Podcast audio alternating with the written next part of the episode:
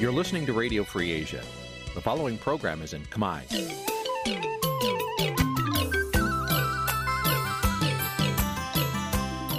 Nǐ chi càm bi tiệp xáy vệt chiu a zì sê ray នេះជាកម្មវិធីផ្សាយរបស់ Vithu Azisari ជាភាសាខ្មែរ វត្តឈូអាស៊ីសេរីសូមស្វាគមន៍លោកអ្នកនាងទាំងអស់ពីរដ្ឋធានី Washington នៃសហរដ្ឋអាមេរិក បាទខ្ញុំបាទយ៉ងច័ន្ទដារាសូមជម្រាបសួរលោកអ្នកនាងអ្នកស្ដាប់វិទ្យុអាស៊ីសេរីទាំងអស់ជាទីមេត្រីខ្ញុំបាទសូមជូនកម្មវិធីផ្សាយសម្រាប់ព្រឹកថ្ងៃសៅរ៍10រោចខែមករាឆ្នាំថោះបัญចស័កពុទ្ធសករាជ2567ត្រូវនឹងថ្ងៃទី6ខែមករាគ្រិស្តសករាជ2024បាទជាដំបូងនេះសូមអញ្ជើញអស់លោកអ្នកនាងស្ដាប់ព័ត៌មានប្រចាំថ្ងៃដែលមានមេត្តាដូចតទៅ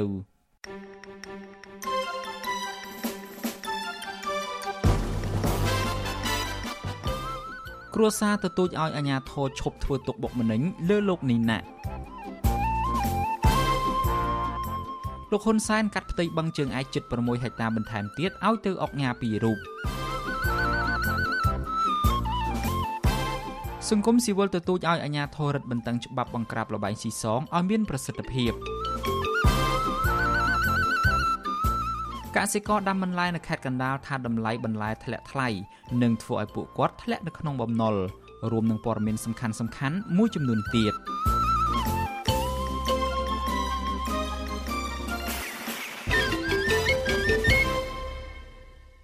បាទជាបន្តទៅទៀតនេះខ្ញុំបាទយ៉ងច័ន្ទដារាសូមជូនព័ត៌មានទាំងនេះពិស្ដា បើលោកនាងជាទីមេត្រីសមត្ថកិច្ចនឹងបញ្ជូនខ្លួនអ្នកជំនាញផ្នែកកសិកម្មលោកនីណាក់ទៅឃុំខ្លួននៅពន្ធនាគារព្រៃសរនៅថ្ងៃសៅរ៍ទី6ខែមករានេះដោយចោទប្រកាន់ពីបទបរិហាកេនិងផ្សាយព័ត៌មានមិនពិតតាមរយៈការបញ្ចេញមតិលើបណ្ដាញសង្គម Facebook បាទជុំវិញករណីចាប់ខ្លួនលោកនីណាក់នេះមន្ត្រីសិទ្ធិមនុស្សជំរុញឲ្យអាជ្ញាធរនិងតុលាការគួរបែងចែកឲ្យដាច់ពីគ្នារវាងបទល្មើសនិងសេរីភាពនៃការបញ្ចេញមតិបាទលោកសិចបណ្ឌិតរាយការណ៍ព័ត៌មាននេះពឹស្ដា ភរិយារបស់លោកនីណាក់ចាត់ទុកការចោទប្រកាន់និងចាប់ខ្លួនប្តីរបស់ខ្លួននេះធ្វើឡើងទាំងកំរោលនិងរំលោភធ្ងន់ធ្ងរទៅលើសិទ្ធិសេរីភាពបញ្ចេញមតិរបស់ប្រជាពលរដ្ឋលោកស្រីសុកស៊ីណែតបានឲ្យវិទ្យុអស៊ីសេរីដឹងតាមប្រព័ន្ធ Telegram នៅយប់ថ្ងៃសុក្រទី6មករាថាក្រោយពីចាប់ខ្លួនតាមដងផ្លូវសមត្ថកិច្ចក៏បញ្ជូនលោកនីណាទៅសាកសួរភ្លាមភ្លាមនៅសាលាដំបងរាជធានីភ្នំពេញនាល្ងាចថ្ងៃសុក្រទី5មករា រហូតដល់ម៉ោងប្រមាណ8យប់ថ្ងៃដដែលនោះទើបតុលាការសម្រេចបញ្ជូនខ្លួនលោកនីណាទៅឃុំខ្លួននៅក្រសួងមហាផ្ទៃបណ្ដោះអាសន្នមួយយប់សិនរហូតដល់ថ្ងៃសៅរ៍ទី6មករាគឺថានឹងបញ្ជូនទៅឃុំខ្លួននៅពុទ្ធនីគារព្រៃសរលោកស្រីបន្តថាលោកស្រីបានសុំជួបប្តីចុងក្រោយរយៈពេលខ្លី កាលពីយប់ថ្ងៃទី5មករានៅក្រសួងមហាផ្ទៃនោះប៉ុន្តែมันបានសួរនាំអ្វីច្រើន ពីមូលហេតុនៃការចាប់ខ្លួននេះថាយ៉ាងណានោះទេ តែទោះយ៉ាងណា លោកនេះណាក់បានឆ្លៀតប្រាប់ទៅប្រពន្ធមុនពេលបែកគ្នាថា លោកហេងសួររដ្ឋមន្ត្រីក្រសួងកាងារជាអ្នកនៅពីក្រោយករណីចាប់ខ្លួននេះដោយលោកប្តឹងពីបទបរិហាកេនិងផ្សាយព័ត៌មានមិនពិត ថាលោកហេងសួរបានទទួលដីព្រៃជាច្រើនហិកតា នៅខេត្តកំពតពីរដ្ឋាភិបាលទៅខាងតឡាការហ្នឹងគេថា ព័ត៌មាននោះវាជាព័ត៌មានមិនពិតយើងព័ត៌មានយកព័ត៌មានមិនពិតហ្នឹងទៅផ្សព្វផ្សាយអាព្រោះអីថាការដែលកាត់ដីឲ្យហេងសួរនោះមិនមែនហេងសួរដែលធ្វើការនៅក្រសួងការងារទេគឺហេងសួរផ្សេងទៀតគាត់ថាអញ្ចឹងទោះយ៉ាងណាក្តីទំព័រ Facebook របស់លោកនីណាធ្លាប់បានបង្ហោះសារមួយដោយដាក់ជាសំណួរថាតើលោកហេងសួរបានសាងស្នាដៃអ្វីធំធេងដល់ជាតិខ្មែរបានជារដ្ឋាភិបាលកាត់ដីព្រៃផ្ដាល់ទៅឲ្យធ្វើជាកម្មសិទ្ធិ សារនេះក៏មិនបានបញ្ជាក់ថាឈ្មោះហេងសួរនោះជាអ្នកណាឲ្យប្រកាសនោះទេឬក៏បញ្ជាក់ថាហេងសួរនេះជារដ្ឋមន្ត្រីក្រសួងការងារបច្ចុប្បន្នក៏គ្មានដែរលោកស្រីសុកស៊ីណែតថាការចោទប្រកាន់និងចាប់ខ្លួនប្តីរបស់គាត់នេះធ្វើឡើងទាំងបង្ខំរំលោភលើសិទ្ធិសេរីភាពបញ្ចេញមតិនិងជារឿងអយុត្តិធម៌បំផុតសម្រាប់គ្រួសារគាត់ អឺมันគួរណាមានសភាពដែលថាអឺចាប់នាំខ្លួនទៅគ្រាន់តែគាត់រិះគន់ដើម្បីស្ថាបនានៃពីចំណុចអឺអវិជ្ជមានរបស់មន្ត្រីមួយចំនួន ដើម្បីតែប្រយោជន៍រួមគាត់មិនមានដើម្បីថាបានមុខតំណែងហើយបានលុយកាក់អីគឺធ្វើដើម្បីតែប្រយោជន៍ប្រទេសជាតិលោកស្រីសុកស៊ីណែតអំពាវនាវឲ្យសមត្ថកិច្ចដោះលែងប្តីរបស់គាត់ឲ្យមានសេរីភាពឡើងវិញ ពីព្រោះគាត់យល់ថាលោកនីណាគ្មានកំហុសរហូតជាប់ពន្ធនាគារនោះទេសមត្ថកិច្ចបានឃាត់ខ្លួនអ្នកជំនាញកសិកម្មលោកនីណាជាថ្មីម្ដងទៀតនៅព្រឹកថ្ងៃទី5ខែមករានិងបានបញ្ជូនទៅសាកសួរភ្លាមភ្លាមនៅសាលាដំបងរាជធានីភ្នំពេញហើយនៅរសៀលថ្ងៃដដែលនេះដែលដំបងឡើយចោទប្រកាន់ពីបទញុះញង់និងបរិហាគេ ក្រោយលោកបង្ហោះសារលើ Facebook រិះគន់ការដឹកនាំរបស់រដ្ឋាភិបាលថ្មី និងមន្ត្រីមួយចំនួនដែលអសកម្មជុំវិញរឿងនេះនាយកទទួលបន្ទុកកិច្ចការទូតនៃអង្គការឃ្លាំមើលសិទ្ធិមនុស្សលីកាដូ លោកអំសំអាតយល់ឃើញថាអាញាធរនិងតុលាការគួរតែញែកឲ្យដាច់ពីគ្នា រវាងបទល្មើសនិងសេរីភាពបញ្ចេញមតិដើម្បីជៀសវាងការរិះគន់ថារដ្ឋាភិបាល រំលោភសិទ្ធិសេរីភាពរបស់ប្រជាពលរដ្ឋ អញ្ចឹងយើងជាអង្គការសង្គមស៊ីវិលមិនចង់ឃើញមានការរិះគន់បន្ថែមទៀតទៅលើបញ្ហារដ្ឋបិទនៃសេរីភាពក្នុងការបញ្ចេញមតិឬការរំលោភទៅលើសេរីភាពជាមូលដ្ឋាន ហើយនឹងបញ្ហាសិទ្ធិមនុស្សនឹងមិនមានលក្ខណៈល្អប្រសើរនោះទេបាទអ្នកជំនាញកសិកម្មនិងជាសកម្មជនសង្គមលោកនេះណាតែងតែរិះគន់ភាពអសកម្មមួយចំនួននៅក្នុងសង្គមហើយលោកធ្លាប់ត្រូវបានជួនមិនស្គាល់មុខ វាយប្រហាររហូតរងរបួសធ្ងន់ធ្ងរប៉ុន្តែអាជ្ញាធរនៅពុំទាន់ចាប់ខ្លួនជនបង្កទាំងនោះមកផ្ដន់ទោសទៅតាមច្បាប់នៅឡើយទេការខាត់ខ្លួនអ្នកជំនាញកសិកម្មរូបនេះក៏ធ្វើឡើងបន្ទាប់ពីលោកបង្ហោះសារលើ Facebook នៅថ្ងៃទី5ខែមករាដែលទំនងឌឺដងឲ្យមន្ត្រីរដ្ឋាភិបាលដែលបានផ្សាយព័ត៌មានថា ក្រសួងការងារទើបបង្ហាញចំនួនក្រុមហ៊ុន ដែលបើកថ្មី នៅដើមឆ្នាំ2024 លោកសរសេរថា10000ក្រុមហ៊ុនបើកថ្មី នៅឆ្នាំ2024សង្ស័យរាប់តាំងពីក្រុមហ៊ុនលក់លីហាល ក្រុមហ៊ុនដើរសូមទៀនក្រុមហ៊ុនលក់ថ្នាំញៀនជាដើមឡាក់លោកសរសេរបន្តទៀតថា បើបើកច្រើនផ្សាយអាបិទវិញអត់រាប់ឡើយប្រទេសខ្លាសេដ្ឋកិច្ចលក់តាំងពីភ្នំមិនសល់ វិទ្យុអស៊ីសេរីនៅពុំទាន់អាចតាក់ទងរដ្ឋមន្ត្រីក្រសួងការងារលោកហេងសួរដើម្បីសាកសួរបន្ថែមអំពីបញ្ហានេះបានទេ នៅថ្ងៃទី5មករាចំណែកឯអ្នកនាំពាក្យក្រសួងការងារលោកកតាអូននិងអ្នកនាំពាក្យអាយកាអមសាលាដំបងរាជធានីភ្នំពេញលោកប្លង់សផលក៏វិទ្យុអស៊ីសេរីមិនទាន់អាចតាក់ទងបានដែរដោយទូរស័ព្ទចូលច្រើនដងតែពុំមានអ្នកទទួលលោកនេះណាក៏ធ្លាប់ត្រូវបានអតីតរដ្ឋមន្ត្រីក្រសួងកសិកម្មលោកវេសខុនប្តឹងពីបទញុះញង់ ដាក់ពន្ធនាគារ18ខែកន្លងទៅករណីលោកសរសេររិះគន់យុទ្ធនាការរបស់ក្រសួងកសិកម្មនិងឌឺដងរឿងទិញម៉ាស់ពាក់ឲ្យកូនមន់ក្នុងគ្រាមានអាសន្នគណៈកម្ពុជា និងពិភពលោកផ្ទុះជំងឺ Covid-19 កាលពីចុងឆ្នាំ2019កន្លងទៅខ្ញុំបាទសេកបណ្ឌិតវុទ្ធុអាស៊ីសេរីពីរដ្ឋធានីវ៉ាស៊ីនតោនអាស៊ីសេរី លោកអ្នកនាងកំពុងស្ដាប់ការផ្សាយរបស់ Vuthu Azizi Siri ពីរដ្ឋធានី Washington នៃសហរដ្ឋអាមេរិកកសិករនៅក្នុងខេត្តកណ្ដាលត្អូញត្អែថាតម្លៃដំណាំបន្លែបានធ្លាក់ចុះជាបន្តបន្ទាប់នៅក្នុងរយៈពេល2ខែមកនេះដែលធ្វើឲ្យពួកគាត់ត្រូវខាតបង់អស់ជាច្រើន ហើយពួកគាត់អាចនឹងលក់ដីដើម្បីសងបំណុលប្រសិនបើតម្លៃមិនប្រសើរឡើងវិញទេនោះ។ មន្ត្រីសង្គមស៊ីវិលលើកឡើងថារដ្ឋាភិបាលគួរទៅរកទីផ្សារជួយដល់កសិករនិងផ្អាកការនាំចូលបន្លែគីមីពីប្រទេសជិតខាងដូចជាប្រទេសវៀតណាមជាដើមបាទលោកអ្នកនាងនឹងបានស្ដាប់សេចក្តីរាយការណ៍នេះពឹស្ដានៅពេលបន្តិចទៀតនេះ។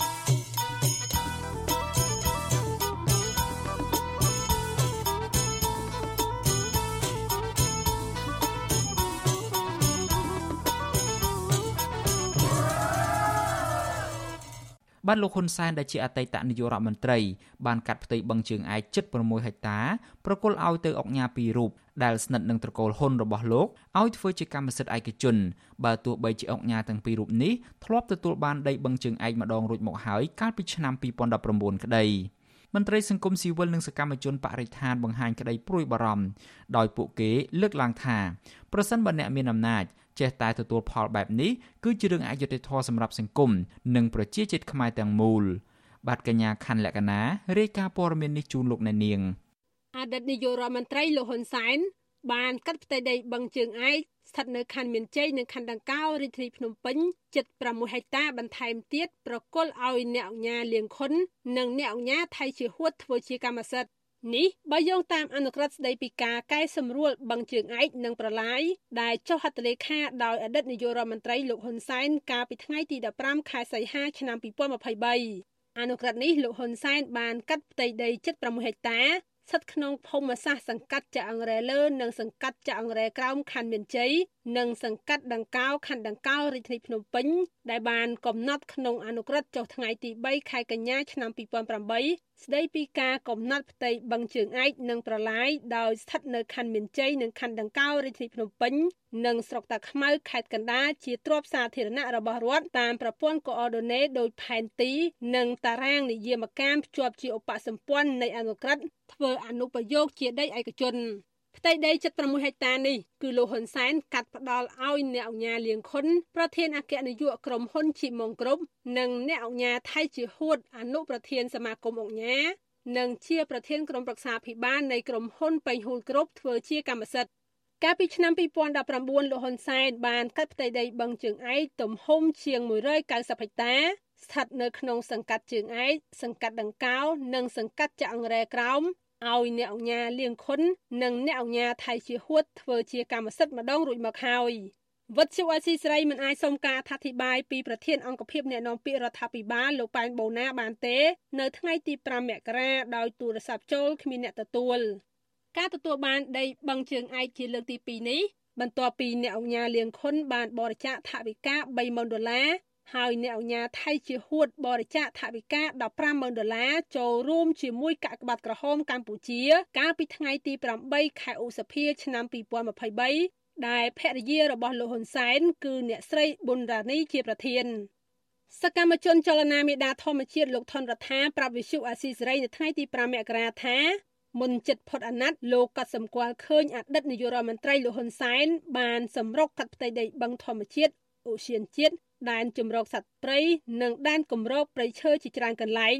ដែលការកាត់នេះបានប៉ះពាល់ដល់ធនធានធម្មជាតិនិងប្រជាពលរដ្ឋហើយមិនបានផ្ដល់សំណងសមរម្យជូនពួកគាត់ឡើយក្រៅពីមិនដោះស្រាយហើយមានការប្តឹងទៅតុលាការរហូតចាប់ខ្លួនពលរដ្ឋដែលចេញទីមទាដំណោះស្រាយនិងយុត្តិធម៌ដាក់ពន្ធនាគារថែមទៀតដែលនេះជារឿងដ៏ខុសខើនៅពេលយកទ្រព្យសម្បត្តិរបស់រដ្ឋទៅចែកឲ្យឯកជន ហើយមានបញ្ហាដល់ប្រជាពលរដ្ឋខ្ញុំគិតថាគាត់ប្រកាសជាបារម្ភបារម្ភទៅដល់កូនរបស់គាត់ដែលទៅតែឡើងកាន់តំណែងនោះបើសិនជាភ្លាមភ្លាមកាត់ទ្រព្យសម្បត្តិជាតិហ្នឹងអាចមានការរិះគន់ភ្លាមនៅពេលដែលឡើងភ្លាមកាត់ភ្លាមអញ្ចឹងទៅបានជាគាត់បញ្ញាបញ្ញាក្នុងការកាត់ទ្រព្យសម្បត្តិយើងនៃនៃអាណត្តិរបស់គាត់ហ្នឹងគឺច្រើនកន្លែងហើយលឿនមែនតើបាទកាលពីខែមិនិនាឆ្នាំ2022រដ្ឋាភិបាល បានចេញអនុក្រឹត្យដោយកាត់ផ្ទៃដីបឹងជើងឯកទំហំជាង12ហិកតា ស្ថិតនៅក្នុងខណ្ឌមានជ័យនិងខណ្ឌដង្កោរាជធានីភ្នំពេញនិងក្រុងតាខ្មៅខេត្តកណ្ដាលទៅឲ្យអង្គការឡៅហួតនិងក្រសួងមហាផ្ទៃធ្វើជាកម្មសិទ្ធិនិងអភិវឌ្ឍផ្សេងៗ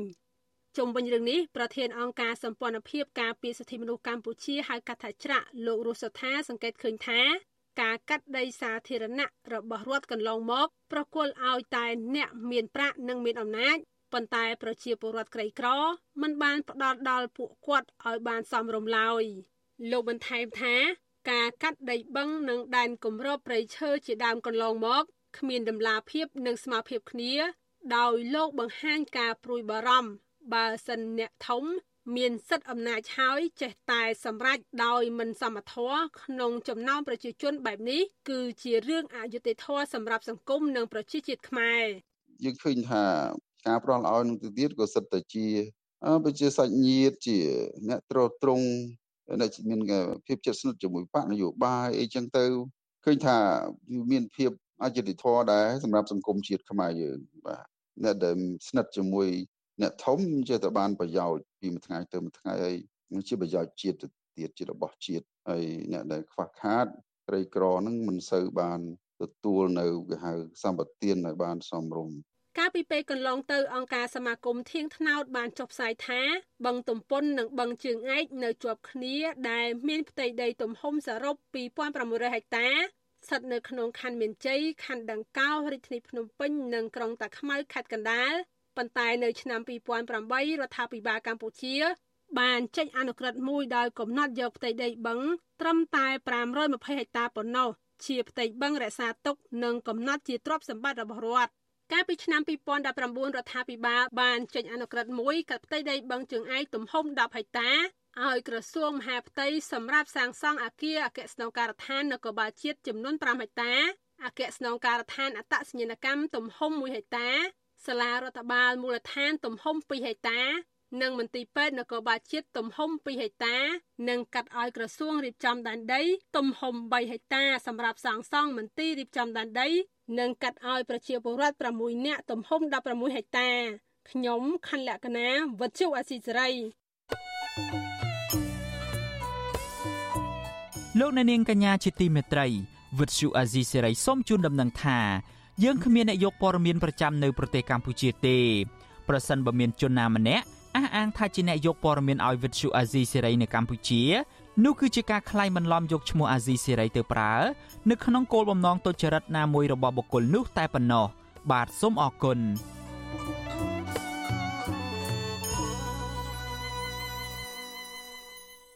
បាទលោកនាងជាទីមេត្រីតកតងទៅនឹងការការពារទ្រព្យសម្បត្តិរបស់ជាតិឯនេះវិញក្រមយុវជនចលនាមេដាធម្មជាតិ ធ្វើយុទ្ធនាការបំផុសឲ្យសាធារណជន ចូលរួមផ្ញើសារទៅទំព័រ Facebook របស់ក្រសួងបរិស្ថានដើម្បីជំរុញឲ្យក្រសួងមួយនេះដាក់កោះកុងក្រៅជាឧទ្យានជាតិសមុទ្រសកម្មជនចលនាមេដាធម្មជាតិកញ្ញាមានលីសាប្រាប់វិទ្យុអាស៊ីសេរីនៅថ្ងៃទី5មករាថាយុទ្ធនាការផ្ញើសារនេះចាប់ផ្ដើមធ្វើនៅថ្ងៃទី4ខែមករារហូតដល់ថ្ងៃទី11ខែមករាដោយតម្រូវឲ្យអ្នកចូលរួមយុទ្ធនាការនេះផ្ញើសារដោយផ្ទាល់ទៅកាន់ទំព័រ Facebook របស់ក្រសួងបរិស្ថាន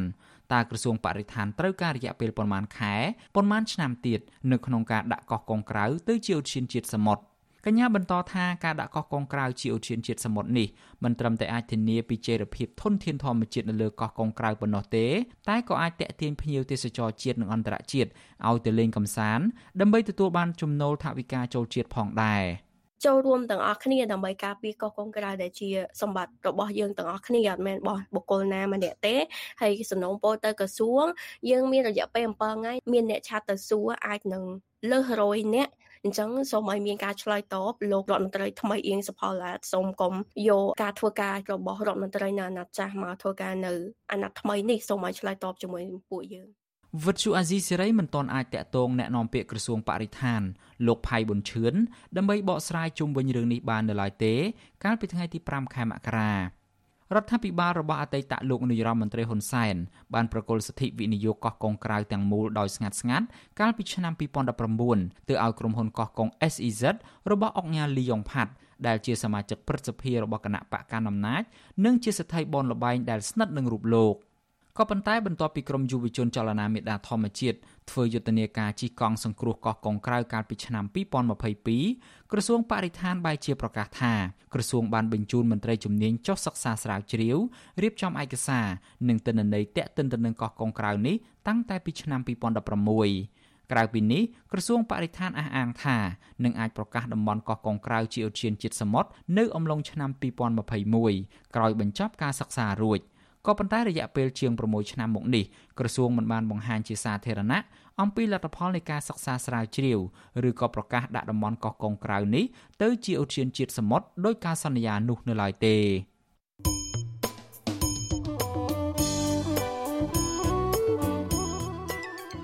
លោកអ្នកនាងជាទីមេត្រីដំណើរគ្នានឹងស្ដាប់ការផ្សាយរបស់ Vuthu Azizi Serai តាមបណ្ដាញសង្គម Facebook YouTube និង Telegram លោកអ្នកនាងក៏អាចស្ដាប់កម្មវិធីផ្សាយរបស់យើងតាមរយៈវិទ្យុរលកថេដាកាខ្លីឬក៏ Shortwave បានដែរគឺតាមកម្រិតនិងកម្ពស់ដូចតទៅនេះពេលព្រឹកចាប់ពីម៉ោង5កន្លះដល់ម៉ោង6កន្លះតាមរយៈប៉ុស SW 93.90 MHz ស្មើនឹងកម្ពស់ 32m និងប៉ុស SW 11.85 MHz ស្មើនឹងកម្ពស់ 25m ពេលយប់ចាប់ពីម៉ោង7កន្លះដល់ម៉ោង8កន្លះ តាមរយៈប៉ុស SW 93.90 MHz ស្មើនឹងកម្ពស់ 32m ប៉ុស SW 11.88 MHz ស្មើនឹងកម្ពស់ 25m និងប៉ុស SW 15.15 MHz ស្មើនឹងកម្ពស់ 20m បាទសូមអរគុណ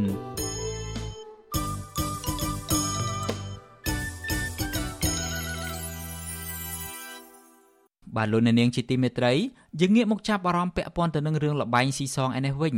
សង្គមស៊ីវិលលើកឡើងថាការធ្វើវិសោធនកម្មច្បាប់បង្ក្រាបលបែងស៊ីសង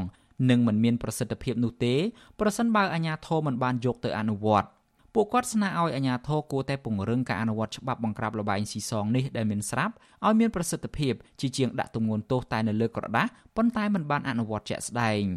បាទយើងប្រកុលនេតិនេះជូនអ្នកស្រីម៉ៅសុធានីរាយការណ៍ជូនលោកអ្នកនាង សង្គមស៊ីវិលលើកឡើងថាច្បាប់ស្តីពីការបង្ក្រាបលបែងស៊ីសង បច្ចុប្បន្នមានបទបញ្ញត្តិនិងទម្ងន់ទោសសមល្មមហើយក៏ប៉ុន្តែអាជ្ញាធរថ្នាក់ជាតិរហូតដល់ថ្នាក់មូលដ្ឋាន ហាក់មិនបានយកច្បាប់នេះទៅអនុវត្តឲ្យមានដំណាភាពនិងផុសផុលនោះឡើយប្រធានសមាគមសម្ព័ន្ធនិស្សិតបញ្ញវន្តខ្មែរលោកកើតសារាយប្រាប់វិទ្យុស៊ីស្រីនៅថ្ងៃទី5ខែមករាថាលោកមិនរំពឹង ទៅលើសេចក្តីព្រៀងច្បាប់ក្នុងការបង្ក្រាបលបែងស៊ីសងឲ្យមានប្រសិទ្ធភាពជាងមុននោះទេពីព្រោះថាលបែងនៅតែរីកដុះដាលនៅក្នុងមូលដ្ឋានដោយសារតែភាពអសកម្មនិងអំពើពុករលួយ ហើយដែលអាជ្ញាធរទទួលសំណូកពីម្ចាស់សាជីវកម្មលោកសង្កេតឃើញថាការចោះបង្ក្រាបលបែងស៊ីសង មានដូចជាអាប៉ោងលូតូអនឡាញនិងកន្ទុយលេខ បានតែមួយឆាយនៅពេលដែលមានបញ្ជាពីថ្នាក់ដឹកនាំកម្ពុជាហើយក៏ស្ងាត់ទៅវិញ។ ប៉ុន្តែខ្ញុំនឹងមានការរំពឹងទុកបើសិនបើជាក្រសួងមហាផ្ទៃមានឆន្ទៈចាប់ផ្ដើមធ្វើកំណែតម្រង់រៀបចំគណៈកម្មការទទួលបន្ទុកនៅក្នុងការបង្ក្រាបលបែងស៊ីសងនេះឲ្យមានទាំងបច្ចេកទេសជំនាញឲ្យមានទាំងអ្នកទទួលខុសត្រូវច្បាស់លាស់ហើយអនុវត្តប្រកបដោយប្រសិទ្ធភាពអានឹងអាចទៅអាចទៅរួចជាពិសេសលបែងលូតូយើងឃើញដាក់តាមសំបីអាកន្លែងម៉ាស្សាកន្លែងសំអាងការសាឡនហ្នឹងក៏ឃើញដាក់ដាក់ដោយអាណាធិបតេយ្យសេរី ការលើកឡើងនេះបន្ទាប់ពីរដ្ឋលេខាធិការក្រសួងមហាផ្ទៃនិងជាប្រធានក្រុមការងារត្រួតពិនិត្យនិងជំរុញការអនុវត្តគោលនយោបាយភូមិឃុំសង្កាត់មានវត្តភាពលោកប៊ុនហ៊ុនបានលើកឡើងថារដ្ឋមន្ត្រីក្រសួងមហាផ្ទៃលោកសសុខានឹងធ្វើវិសោធនកម្មច្បាប់ស្តីពីការបង្ក្រាបលបែងស៊ីសងដោយដាក់ទម្ងន់បទបញ្ញត្តិឲ្យធ្ងន់ធ្ងរជាងច្បាប់ចាស់ដើម្បីឲ្យអាជ្ញាធរមូលដ្ឋាននិងកងកម្លាំងសមត្ថកិច្ច អាចអនុវត្តការលុបបំបាត់លបែងស៊ីសងគ្រប់ប្រភេទលោកបន្តថាច្បាប់នេះគឺហួសសម័យដោយសារក្រសួងមហាផ្ទៃត្រូវធ្វើវិសោធនកម្មឲ្យមានសុក្រិតជាមួយនឹងច្បាប់ស្តីពីការគ្រប់គ្រងលបែងពាណិជ្ជកម្មផងដែរច្បាប់ស្តីពីការបង្ក្រាបលបែងស៊ីសងមាត្រា4ចែងថាជនណាលេងលបែងស៊ីសងនឹងត្រូវផ្ដន្ទាទោសពីនៃជាប្រាក់ពី10000រៀលដល់50000រៀល ឬក៏ដាក់គុកពីមួយសប្តាហ៍ទៅដល់មួយខែករណីមិនរៀងចាលត្រូវផ្ដន្ទាទោសពិន័យជាប្រាក់ពី50000រៀលដល់5សែនរៀលនិងដាក់គុកពីមួយខែទៅមួយឆ្នាំចំណែកមាត្រា5ចែងថាអ្នកបើកកន្លែងលេងលបែងស៊ីសង អ្នកកាន់កាប់អ្នកចាត់ចែងនិងភ្នាក់ងារស៊ីសងត្រូវពិន័យប្រាក់ពី5លានរៀលដល់20លានរៀលនិងដាក់គុកពី1ឆ្នាំដល់5ឆ្នាំ ទោះជាយ៉ាងនេះក្តីច្បាប់នេះត្រូវបានអ្នកខ្លាំមើលថាអាជ្ញាធរមិនបានអនុវត្តឲ្យមានប្រសិទ្ធភាពនោះឡើយវត្ថុអសីស្រីមិនអាចតាក់ទងអ្នកនាំពាក្យរងនៃក្រសួងមហាផ្ទៃលោកទូចសុខៈនិងអគ្គលេខាធិការនៃគណៈកម្មការគ្រប់គ្រងលបែងពាណិជ្ជកម្មលោករស់ភិរុនដើម្បីសុំការបកស្រាយជំវិញរឿងនេះបានទេនៅថ្ងៃទី5ខែមករាដោយលោកប្រាប់ថាកំពុងជាប់ប្រជុំលោករស់ភិរុនធ្លាប់ប្រាប់វិទ្យុស៊ីស្រីថាបច្ចុប្បន្ន មានក្រុមហ៊ុនលបែងផ្សងសំណាងមួយចំនួន ដែលបានពង្រីកអាជីវកម្មរបស់ខ្លួននៅតាមមូលដ្ឋាន កំពុងបំពេញច្បាប់ដោយកែប្រែពីអាជីវកម្មឆ្នោតផ្សងសំណាង ទៅជាលបែងភ្នាល់ខុសច្បាប់តាមរយៈការលួចអាជ្ញាប័ណ្ណបន្តដោយប្រើឈ្មោះថាជាតំណាងចែកចាយក្នុងនោះក៏លោកក៏បានបញ្ជាក់ថាឆ្នោតកន្ទុយលេខវៀតណាមនិងឆ្នោតលូតូ គឺជាលបែងខុសច្បាប់តែគ្មានអាជ្ញាប័ណ្ណហើយបរដ្ឋដែលចូលរួមលេងលបែងទាំងនោះក៏ខុសច្បាប់និងអាចប្រឈមនឹងច្បាប់ផងដែរលបែងដែលគេឃើញបរដ្ឋពេញនិយមលេងរួមមានកន្ទុយលេខឬឆ្នោតវៀតណាមបៀឡូតូជលមន់អាប៉ោងលបែងភ្នាល់និងលបែងអនឡាញដែលគេលេងនៅតាមផ្សារផ្ទះបរដ្ឋហាងលក់ទំនិញនិងហាងកាហ្វេគុយទាវជាដើម។ តើតិនរឿងនេះប្រធានមជ្ឈមណ្ឌលប្រជាប្រដ្ឋដើម្បីអភិវឌ្ឍនិងសន្តិភាពលោកយងកំឯងយល់ឃើញថាការធ្វើវិសោធនកម្មច្បាប់ស្ដីពីការបង្ក្រាបលបែងស៊ីសងដោយបន្ថែមទោសឲ្យធ្ងន់ជាងច្បាប់ចាស់គឺជារឿងល្អដើម្បីឲ្យអ្នកប្រព្រឹត្តនិងម្ចាស់សាជីវកម្មរៀងចាលក៏ប៉ុន្តែលោកសង្កេតឃើញថាការអនុវត្តច្បាប់បង្ក្រាបលបែងស៊ីសងនៅតាមសហគមន៍កន្លងមកហាក់មានសកម្មភាពតិចតួចប៉ុណ្ណោះជាពិសេស ករណីចាប់ម្ចាស់អាជីវកម្មយកមកបណ្តន្ទាទោសឲ្យជាប់ពន្ធនាគារខណៈលបែងស៊ីសងគ្រប់ប្រភេទកំពុងតែរីកដុះដាលដោយផ្សិតនៅក្នុងសហគមន៍ហើយម្យ៉ាងវិញទៀតបើសិនកាលណាថាទម្ងន់ទោសកាន់តែធ្ងន់ប្រាក់ពិន័យកាន់តែខ្ពស់អញ្ចឹងទៅគឺអ្នកដែលបុគ្គលខិលខូចដែលអនុវត្តច្បាប់មួយចំនួនហ្នឹងគឺអាចនឹងយកឱកាសហ្នឹងរកស៊ីថែមទៀតបាទហើយទាលុយក្រៅផ្លូវការហ្នឹងកាន់តែខ្ពស់ថែមទៀតទៅបាទអញ្ចឹងវាអាចជាបញ្ហាមួយដែរបាទមន្ត្រីសង្គមស៊ីវិលស្នើឲ្យអាជ្ញាធរថ្នាក់ជាតិជំរុញនិងខ្លំមើលពីប្រសិទ្ធភាពការងាររបស់អាជ្ញាធរមូលដ្ឋាន ក្នុងការបង្ក្រាបលបែងស៊ីសងឲ្យមានប្រសិទ្ធភាព ជាជាងការធ្វើវិសោធនកម្មច្បាប់ថ្មីតែមិនអនុវត្តចាននាងខ្ញុំម៉ៅសុធានីវិទ្យុអាស៊ីសេរីប្រធានាធិបតី Washington អាស៊ីសេរី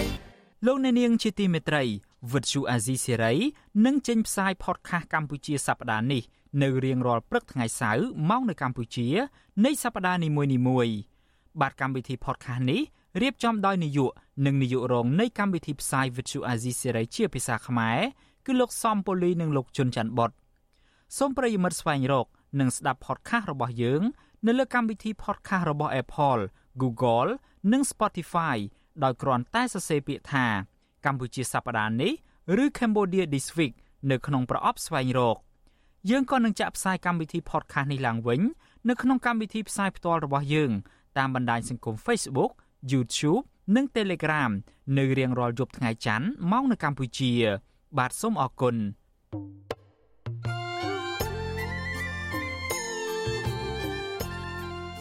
លោកអ្នកនាងជាទីមេត្រី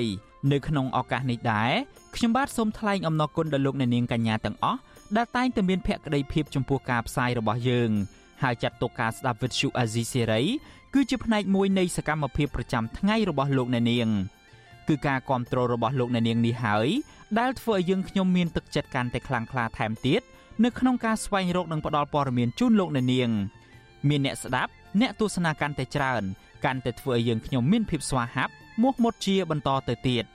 យើងខ្ញុំសូមអរគុណទុកជាមុនហើយសូមអញ្ជើញលោកអ្នកនាងកញ្ញាទាំងអស់ចូលរួមជំរុញឲ្យសកម្មភាពផ្តល់ព័ត៌មានយើងនេះកាន់តែជោគជ័យបន្ថែមទៀតលោកអ្នកនាងអាចជួយយើងខ្ញុំបានដោយគ្រាន់តែចុចចែករំលែកឬមួយក៏ Share ការផ្សាយរបស់យើងនៅលើបណ្ដាញសង្គម Facebook និង YouTube ទៅកាន់មិត្តភ័ក្តិដើម្បីឲ្យការផ្សាយរបស់យើងបានទៅដល់មនុស្សកាន់តែច្រើន បាទសូមអរគុណ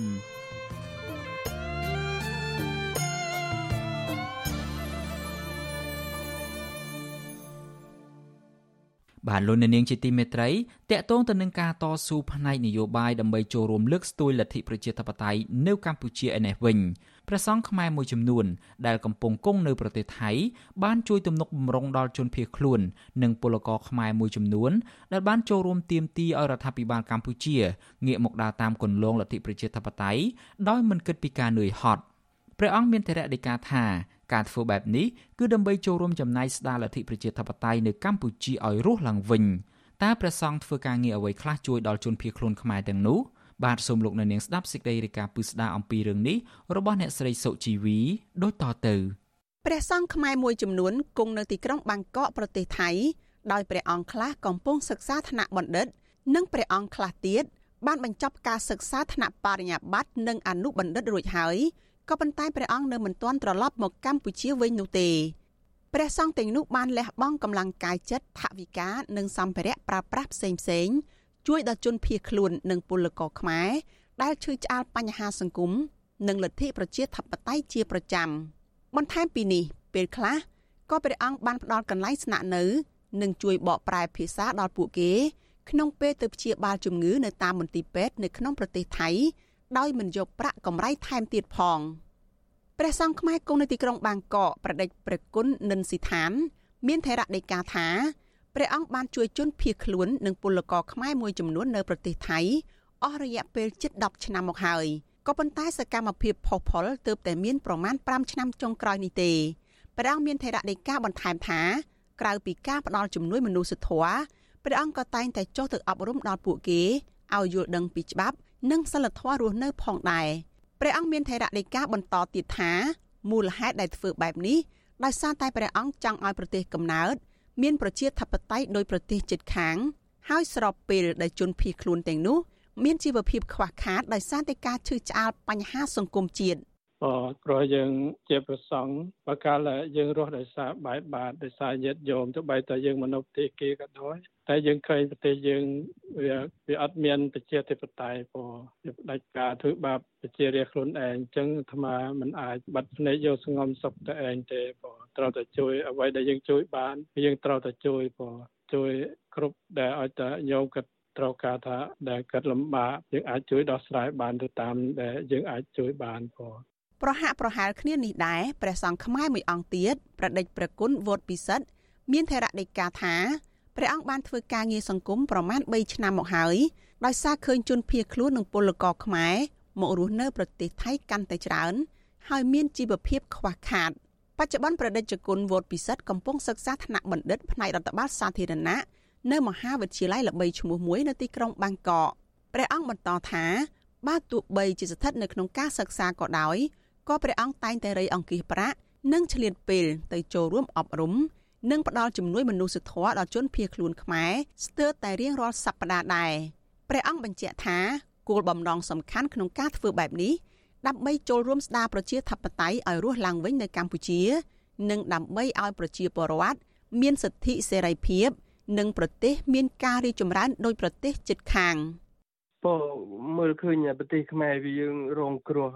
ជារៀងរហូតមកតែអាត្មាសិក្សាមកគឺក្រោយអង្គរសម័យអង្គរនឹងមកគឺប្រទេសយើងអត់ដែលបានរីកចម្រើនអត់ដែលបានឃើញសុខស្រួលណាពោឃើញតែពិបាកវេទនាគេគៀបសង្កត់ពីជនបរទេសដែលមក គៀបសង្កត់ប្រទេសខ្មែរយើងហើយក៏ប្រទេសខ្មែរយើងក៏គ្រប់គ្រងបានជាឯករាជ្យឲ្យបានពិតប្រាកដណាវានៅក្រោមអំណាចរបស់គេគឺចង់ឲ្យប្រទេសខ្មែរយើងឲ្យរួចផុតពីកំណាប់ដៃជនបរទេសអញ្ចឹងអញ្ចឹងទៅយើងមានតែការតស៊ូជួយគ្នាបន្តិចតួចដែលអាចជួយទៅបានគឺយើងជួយទៅជនភៀសខ្លួនខ្មែរនៅប្រទេសថៃម្នាក់លោកឆនសុខឿនថ្លែងថាព្រះសង្ឃខ្មែរទាំងនោះមានទឹកចិត្តជ្រះថ្លាលើជាតិសាសន៍ខ្មែរដូចគ្នា ដែលជាការមិនងាយនឹងរកបាន លោកបន្តថាជារឿយៗនៅពេលជនភៀសខ្លួនមានបញ្ហាព្រះសង្ឃទាំងនោះតែងចេញមុខស្វែងរកកិច្ចអន្តរាគមន៍ពីអង្គការសង្គមស៊ីវិលពាក់ព័ន្ធនៅក្នុងប្រទេសថៃលោកបន្ថែមថាព្រះអង្គក៏តែងតែផ្ដល់ស្បៀងអាហារប្រាក់និងរបស់ប្រើប្រាស់ជាច្រើនទៀតដល់គ្រួសាររបស់លោកនិងជនភៀសខ្លួនខ្មែរដទៃទៀតដោយមិនគិតពីផលប្រយោជន៍តបស្នងឡើយ។ រយៈពេល3ថ្ងៃថ្ងៃនេះហើយតែខ្ញុំសូមទីតាំងវត្តមកស្នាក់នៅដើម្បីទៅត្រួតពិនិត្យសុខភាពរបស់ខ្ញុំដែលមិនស្រួលខ្លួនពេលគេត្រូវណាត់ទៅពិនិត្យសុខភាពខ្ញុំមិនមិនសូវស្រួលអញ្ចឹងគឺខ្ញុំអត់មានកន្លែងណាផ្សេងក្រៅពីវត្តទេគឺខ្ញុំសម្រាប់នៅទីវត្តអារាមស្ទាល់ហើយលោកបានឲ្យទីកន្លែងស្នាក់ហើយអាហារហូបចុកហើយជាពិសេសទៅគឺព្រះអង្គជួយជាសហយធ្វើដំណើរទៅកន្លែងពេទ្យទៀតផង តកតងនឹងបញ្ហានេះអ្នកនាំពាក្យគណៈបកប្រជាជនកម្ពុជា លោកសុកអេសាន មានប្រសាសន៍ថាលោកគាំទ្រសកម្មភាពសប្បុរសធម៌របស់ព្រះសង្ឃខ្មែរដែលចេះជួយបរិវត្តខ្មែរដូចគ្នាក្នុងគ្រាលំបាកប៉ុន្តែលោកថាប្រសិនបើព្រះសង្ឃចង់ចូលរួមស្ដារប្រជាធិបតេយ្យគួរតែវិលត្រឡប់មកកម្ពុជា ជួយដល់ពលរដ្ឋនៅក្នុងស្រុកជាការប្រសើរជាង។ ចង់រួមចំណែកពង្រឹងលទ្ធិប្រជាធិបតេយ្យការពារសុខសន្តិភាពនៅក្នុងប្រទេសកម្ពុជាមិនមែនតែក្រៅទេ នៅក្នុងក្រាញនានានៅនឹងដើម្បីរួមគ្នាជាកម្លាំងដើម្បីការពារសន្តិភាពការពារសន្តិសុខសុវត្ថិភាពជូនប្រជាពលរដ្ឋដែលធ្វើមនុស្សធម៌ទៅបើព្រះអង្គនៅតែថៃនោះអាហ្នឹងវាអត់បានប្រយោជន៍អីប៉ះពាល់ពាក់ព័ន្ធទៅដល់កម្ពុជាទេ ជុំវិញរឿងនេះមន្ត្រីសម្របសម្រួលសមាគមការពារសិទ្ធិមនុស្សអាត6ខេត្តបាត់ដំបងលោកយិនមេងលីយល់ឃើញថាព្រះសង្ឃដែលហ៊ានលះបង់សេចក្តីសុខផ្ទាល់ខ្លួនជួយដល់ជនភៀសខ្លួននិងពលករខ្មែរជារឿងល្អដែលប្រជាពលរដ្ឋនិងព្រះសង្ឃដទៃទៀតគួរតែយកគំរូតាមលោកបញ្ជាក់ថាសង្គមប្រជាធិបតេយ្យប្រជាពលរដ្ឋរិះគន់រដ្ឋាភិបាលជារឿងធម្មតាដូច្នេះសកម្មភាពរបស់ព្រះសង្ឃពុំមានអ្វីខុសច្បាប់ឡើយ។ បើខ្មែរយើងមិនជួយខ្មែរតើអ្នកណាជួយខ្មែរណាសំខាន់រឿងខ្មែរយើងនឹងហើយណាដែលយើងមានអត្តសញ្ញាណមានប្រពៃណីវប្បធម៌រួមគ្នាយើងត្រូវតែជួយគ្នាទោះបីជាខ្មែររស់នៅប្រទេសណាក៏ដោយខ្ញុំធ្លាប់ឃើញខ្មែរដែលរស់នៅក្រៅប្រទេសក៏គេរួមគ្នាដែរខ្លះរួមគ្នាកសាងវត្តខ្លះរួមគ្នាធ្វើបុណ្យអញ្ចឹងខ្មែរនៅទីណាក៏ដោយក៏ខ្មែរតែមួយដែរកុំចាត់ទុកថាខ្មែរនេះខ្មែរនោះយើងនាំគ្នាស្រឡាញ់គ្នាជួយគ្នាទៅវាជារឿងប្រពៃណាសម្រាប់ជាតិសាសន៍របស់យើងបាទ បច្ចុប្បន្នព្រះសង្ឃខ្មែរដែលសកម្មជួយដល់ជនភៀសខ្លួននៅប្រទេសថៃ មានចំនួន5អង្គភាគច្រើនគង់នៅទីក្រុងបាងកកជារឿយៗនៅពេលឱកាសពិធីបុណ្យភ្ជុំបិណ្ឌនិងបុណ្យចូលឆ្នាំថ្មីប្រពៃណីជាតិខ្មែរម្ដងម្ដងព្រះអង្គតែងរៀបចំពិធីបុណ្យនៅតាមវត្តអារាម ដើម្បីឲ្យជនភៀសខ្លួននិងពលករខ្មែរបានចូលរួមធ្វើបុណ្យរក្សាប្រពៃណីខ្មែរនៅក្រៅប្រទេសព្រះអង្គក៏បានបរិច្ចាគប្រាក់ផ្ទាល់ខ្លួន ជួយដល់ជនភៀសខ្លួនខ្មែរ ដែលមានជីវភាពខ្វះខាត និងមានទុក្ខលំបាកនៅពេលអាជ្ញាធរថៃចាប់ខ្លួនជាឧទាហរណ៍ថ្មីថ្មីនេះព្រះអង្គបានយកស្បៀងអាហារនិងថវិកាមួយចំនួនផ្ដល់ទៅឲ្យជនភៀសខ្លួនខ្មែរចំនួន7នាក់ដែលកំពុងជាប់ឃុំនៅមន្ទីរឃុំឃាំងរបស់ប៉ូលីសអន្តោប្រវេសន៍ថៃនៅទីក្រុងបាងកកពួកគេត្រូវបានប៉ូលីសថៃចាប់ខ្លួនដោយសារការចូលរួមសិក្សាពីច្បាប់ និងកិច្ចព្រមព្រៀងសន្តិភាពទីក្រុងប៉ារីសកាលពីថ្ងៃទី29ខែធ្នូ ព្រះសង្ឃទាំងនោះនៅតែប្រកាន់ជំហរថាព្រះអង្គនឹងបន្តធ្វើការងារមនុស្សធម៌បែបនេះតទៅទៀតរហូតដល់ប្រទេសកម្ពុជា មានប្រជាធិបតេយ្យពេញលេញឡើងវិញនាងខ្ញុំសុជីវី វិទ្យុអាស៊ីសេរីពីរដ្ឋធានី Washington អាស៊ីសេរីពាក់ព័ន្ធទៅនឹងវិស័យសុខាភិបាលឯនេះវិញ ក្រសួងសុខាភិបាលរកឃើញជំងឺអុតស្វាចំនួន2ករណីបន្ថែម ដោយសរុបចំនួន3ករណីកាលពីយប់ថ្ងៃទី3ខែមករាគ្រូពេទ្យបានដាក់ឲ្យអ្នកជំងឺទាំងនោះសម្រាប់ព្យាបាលដាច់ដោយឡែកពីគ្នានៅមន្ទីរពេទ្យបាទសូមលោកអ្នកនាងស្ដាប់សេចក្តីរាយការណ៍ព័ត៌មាននេះរបស់លោកច័ន្ទដារ៉ូដូចតទៅក្រសួងសុខាភិបាលលើកឡើងថាវីរុសអុតស្វាឆ្លងពីមនុស្សម្នាក់ទៅមនុស្សម្នាក់ទៀតតាមរយៈការរួមភេទជាមួយអ្នកជំងឺអុតស្វា ការប៉ះពាល់ដោយផ្ទាល់នឹងកន្លែងមានដំបៅទឹកសារពាង្គកាយទឹកមាត់ដំណក់តូចតូចតាមផ្លូវដង្ហើម និងសម្ភារៈប្រើប្រាស់ដែលប្រឡាក់ប្រឡូសជាមួយអ្នកជំងឺជាដើមបញ្ហានេះក្រសួងសុខាភិបាលអំពាវនាវដល់ពលរដ្ឋឲ្យប្រុងប្រយ័ត្នខ្ពស់ដើម្បីបង្ការនៅការចម្លងជំងឺអុតស្វាដោយស្វែងយល់អំពីរបៀបឆ្លង និងការអនុវត្តតាមវិធានបង្ការនានា ដូចជាវិធីបង្ការការឆ្លងជំងឺអុតស្វាដោយប្រើប្រាស់ស្រោមអនាម័យរាប់ពេលរួមភេទនិងជៀសវាងការមានដៃគូរួមភេទច្រើនជៀសវាងការប៉ះពាល់ផ្ទាល់ឬសម្លៀកបំពាក់និងសម្ភារៈប្រើប្រាស់ជាមួយអ្នកជំងឺជៀសវាងការប៉ះពាល់ជាមួយដំណក់ទឹកចេញពីផ្លូវដង្ហើមឬសារធាតុរាវតាមមាត់របស់អ្នកជំងឺ ការអនុវត្តគោលការណ៍អនាម័យផងដែរវិទ្យុអាស៊ីសេរី មិនអាចតាក់ទងប្រធាននាយកដ្ឋានប្រយុទ្ធនឹងជំងឺឆ្លងលោកលីសវ៉ាន់ដើម្បីសាកសួរបន្ថែមបានទេនៅថ្ងៃទី5ខែមករាចំណែករដ្ឋមន្ត្រីក្រសួងសុខាភិបាលលោកឈៀងរ៉ាប្រាប់ថាលោកជាប់រវល់ប្រជុំជុំវិញរឿងនេះអ្នកជំនាញប្រមានថាជំងឺអុតស្វាអាចប៉ះពាល់ធ្ងន់ធ្ងរដល់សុខភាពសាធារណៈប្រសិនបើរដ្ឋាភិបាលមិនទប់ស្កាត់និងអ្នកជំងឺមិនបានទទួលការព្យាបាលត្រឹមត្រូវឬយឺតយ៉ាវនោះ។ ប្រធានសមាគមគ្រូពេទ្យគុណធម៌កម្ពុជា លោកវិជ្ជបណ្ឌិតអ៊ូចវុធីប្រាប់វិទ្យុអាស៊ីសេរីថាជំងឺអុតស្វាកាត់ចេញពីខ្សែស្រឡាយជាមួយជំងឺរើម និងជំងឺអុតស្វាយដែរប៉ុន្តែលោកថាជំងឺនេះអាចចម្លងពីមនុស្សម្នាក់ទៅមនុស្សម្នាក់លឿនជាពិសេសកាច់សាហាវចាប់តាំងពីបំលែងខ្លួនចេញពីតំបន់អាហ្វ្រិករៀលដាលទៅប្រទេសទូទៅ លោកជំរុញឲ្យគ្រូពេទ្យនិងអ្នកពាក់ព័ន្ធ ត្រូវយកចិត្តទុកដាក់ថែទាំព្យាបាលអ្នកជំងឺឲ្យបានដិតដល់ដើម្បីការពារអាយុជីវិត និងទប់ស្កាត់កុំឲ្យឆ្លងរាលដាលទៅមនុស្សរស់នៅជុំវិញលោកវិជ្ជបណ្ឌិតក៏ណែនាំឲ្យពលរដ្ឋគួរចាក់វ៉ាក់សាំងបង្ការត្រូវថែទាំសុខភាពឲ្យបានល្អនិងអនុវត្តវិធានការអនាម័យឲ្យបានខ្ជាប់ខ្ជួនជាដើមទើបអាចទប់ស្កាត់ការរាលដាលនៃជំងឺនេះឲ្យមានប្រសិទ្ធភាពខ្ពស់អ្នកចិត្តស្និទ្ធ ដិតជាមួយនឹងអ្នកជំងឺអុចស្វាយើងគួរតែការពារខ្លួនយើងព្រមទាំងអ្នកជំងឺនិងខ្លួនយើងដែលនៅដិតចិត្តមួយគាត់ទី1ខោអាវកម្រាបពូកស្រោមខ្នើយស្រោមពូកអីហ្នឹងខោអាវអីហ្នឹងពេលណាដែលយើងប៉ះពាល់ទឹកងងៃហើយនឹងតាមឈាមឬដំបៅផ្សេងផ្សេងហ្នឹងដែលវាដក់ជាប់តាមទឹកមាត់ទឹកអីហ្នឹងហ្នឹងហើយដែលធ្វើឲ្យយើងឆ្លងឆ្លងលឿនបាទមួយទៀតពេលណាដែលយើង បានប្រស្រ័យជាមួយអ្នកដែលមានជំងឺអុចស្វាយនឹងហើយយើងសង្ស័យយើងគួរណាទៅរកពេទ្យក្រសួងសុខាភិបាលបញ្ជាក់ថាបុគ្គលដែលមានរោគសញ្ញាដូចជា កន្ទួលរមាស់ជាមួយពងបែកនៅលើមុខបាតដៃជើង ដងខ្លួន ភ្នែកមាត់ឬប្រដាប់រួមភេទរួមទាំងគ្រុនក្តៅហើមកូនកណ្ដុរឈឺក្បាលឈឺសាច់ដុំទោះបានប៉ះពាល់ផ្ទាល់ ជាមួយអ្នកជំងឺអុតស្វាឬមិនមានប្រវត្តិប៉ះពាល់ជាមួយអ្នកជំងឺអុតស្វាក្តីត្រូវពិគ្រោះយោបល់នៅមណ្ឌលសុខភាពឬមន្ទីរពេទ្យជាបន្ទាន់កម្ពុជារកឃើញករណីជនជាតិនីសេរីយ៉ាម្នាក់មានជំងឺអុតស្វា លើកដំបូងកាលពីខែកក្កដាឆ្នាំ2022អង្គការសុខភាពពិភពលោក បញ្ជាក់ថាគិតត្រឹមខែឧសភាឆ្នាំ2022 ជំងឺអុតស្វាបានផ្ទុះឡើងភ្លាមៗនិងឆ្លងរាលដាលឆាប់រហ័សធ្វើឲ្យជំងឺនេះកើតលើមនុស្សជិត87000ករណីនិងស្លាប់សរុបចំនួន112នាក់នៅតាមបណ្ដាប្រទេសចំនួន110ក្នុងតំបន់ចំនួន6ដូចជាតំបន់អឺរ៉ុបតំបន់អាមេរិកអាហ្វ្រិកមីឌីតេរ៉ាណេខាងកើតនិងអាស៊ីប៉ាស៊ីហ្វិកខាងលិចជាដើម អង្គការសុខភាពពិភពលោក ជំរុញឲ្យប្រទេសទាំងអស់បង្កើនការយកចិត្តទុកដាក់ក្នុងការអនុវត្តវិធានការសុខាភិបាលឲ្យបានហ្មត់ចត់ខ្ញុំបាទច័ន្ទដារោវុទ្ធុអាស៊ីសេរី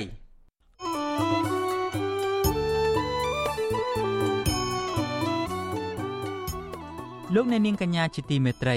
វិទ្យុអាស៊ីសេរីបានទទួលសំណូមពរពីអ្នកស្ដាប់ និងអ្នកទស្សនារបស់យើងច្រើនណាស់ថាកុំឲ្យដាក់ចំណងជើងផ្ទុយពីខ្លឹមសារនៃព័ត៌មាន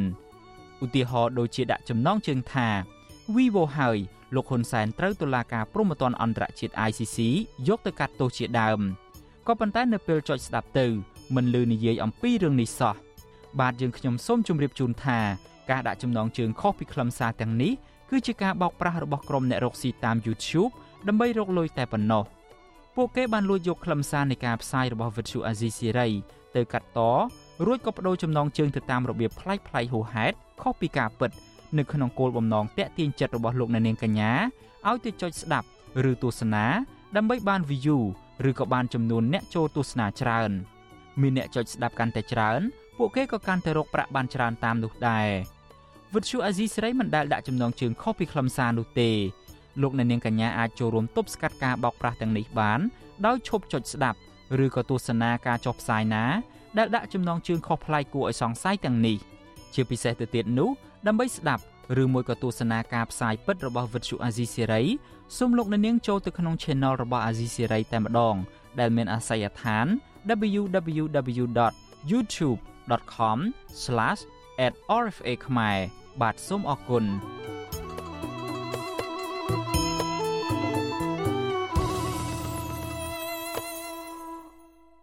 លោកអ្នកនាងកំពុងស្ដាប់ការផ្សាយរបស់ Vuthu Azizi Siri ពីរដ្ឋធានី Washington នៃសហរដ្ឋអាមេរិក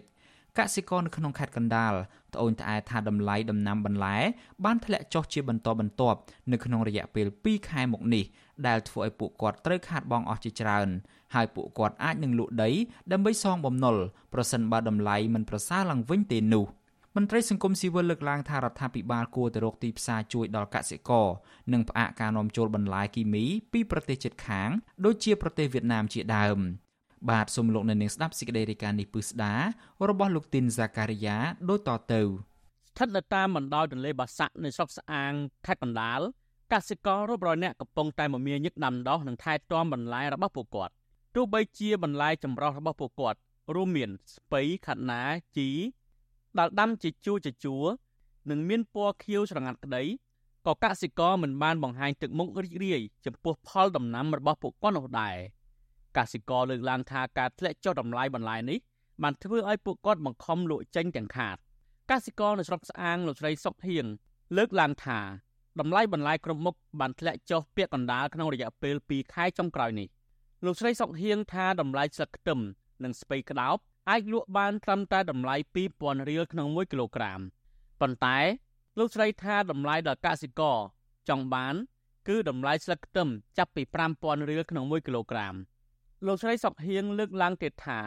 បើតម្លៃមិនបានប្រសើរឡើងវិញទេនឹងធ្វើឲ្យលោកស្រីប្រឈមមុខនឹងការខាតបង់ប្រមាណជា2លានរៀលហើយលោកស្រីនៅជាពាក់បំណុលគេថែមទៀតដែលយកមកធ្វើជាដើមទុនដាំបន្លែលោកស្រីសុកហៀងបន្តថាគ្រួសារលោកស្រី បានដាំបន្លែជិត10ឆ្នាំមកហើយប៉ុន្តែជីវភាពគ្រួសាររបស់លោកស្រីលំបាកពីមួយឆ្នាំទៅមួយឆ្នាំដោយសារតែទីផ្សារអាស្រ័យលើឈ្មួញជាអ្នកកំណត់នឹងការនាំចូលបន្លែពីប្រទេសជិតខាងជាពិសេសគឺប្រទេសវៀតណាមសេដ្ឋកិច្ចហ្នឹងយើងចេះតែជឿទេបុលគេចឹងខ្លះធ្វើដើមតទៅមុខទៀតទៅជាប់អាហ្នឹងមកពេលយើងធ្វើមិនបានអត់មានលុយបងអង្គការយើងចៃបងប្អូនចៃអីចឹងគេចេះឆក់គេឆក់កលៀតអីខ្លះចឹងទៅជាប់អង្គការពងអាចពាក់គេវាន់កនេះឲ្យធ្វើវល់ខាតណា ប្រហាក់ប្រហែលគ្នាដែរកសិករម្នាក់ទៀតលោកឆេងសដែលកំពុងតែស្រាវជីនិងស្លឹកខ្ទឹម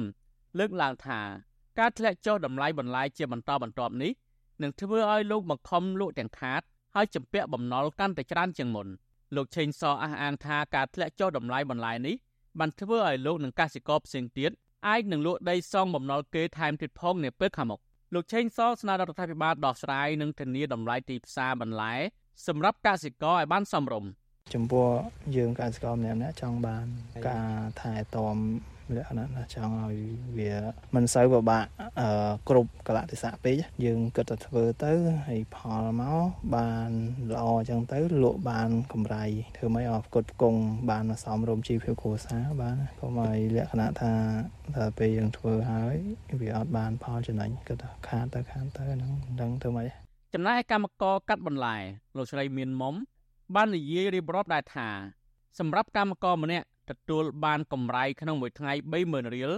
ហើយគ្រួសារលោកស្រីធ្វើការរាល់ថ្ងៃដើម្បីមានលុយសងធនាគារលោកស្រីមានមុំនិយាយថាការធ្លាក់ចុះតម្លៃបន្លែនេះមិនត្រឹមតែប៉ះពាល់ដល់កសិករប៉ុណ្ណោះទេប៉ុន្តែបានធ្វើឲ្យប៉ះពាល់ដល់កម្មករដែលស៊ីឈ្នួលកាត់បន្លែថែមទៀតផង ជាពិសេសធ្វើឲ្យពួកគាត់មិនមានការងារជាប់លាប់ ប៉ះពាល់អត់លុយទិញអង្គឲ្យបងធនាគារបងលុយរាប់យ៉ាប់បើការងារមានស្រួលបានលុយរាល់ថ្ងៃហើយឡូវជាណាធ្វើជាណាអត់ហ្នឹងពីមួយថ្ងៃអានធ្វើមួយថ្ងៃហ្នឹងហើយបើមានការងារធ្វើរាល់ថ្ងៃទលេចេះអីទេតើការងារផ្លែគេឈប់ដាំអញ្ចឹងយើងចាប់អង្គហងភ្លើងហងដល់រួចទេវិទ្យុអសិរ័យមិនអាចតតងแนะនាំពាក្យក្រសួងកសិកម្មកញ្ញាអមរិចនា និងអភិបាលខេត្តកណ្ដាលលោកកុងសុភ័ណ្ឌដើម្បីសំសួរអំពីបញ្ហានេះបានទេនៅថ្ងៃទី5មករាប្រធានមជ្ឈមណ្ឌលប្រជាពលរដ្ឋដើម្បីអភិវឌ្ឍនិងសន្តិភាពលោកយងកំឯងមានប្រសាសន៍ថា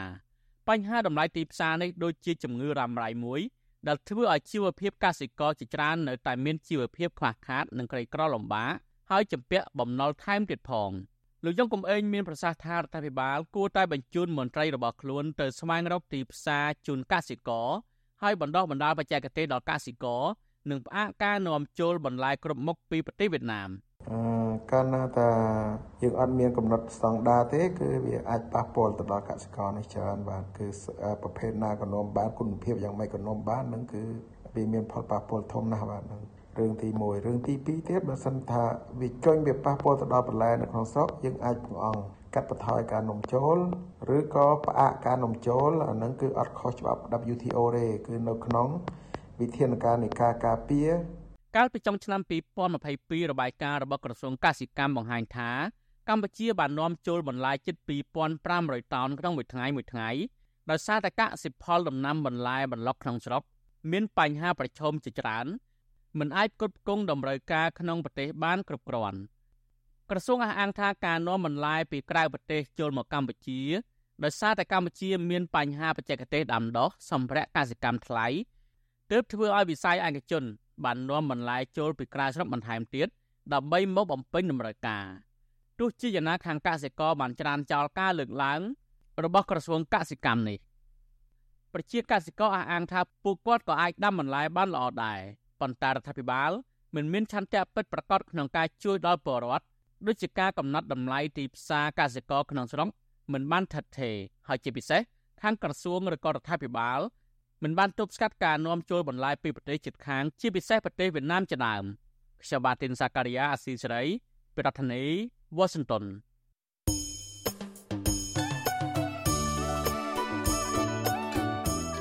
លោកអ្នកនាងជាទីមេត្រី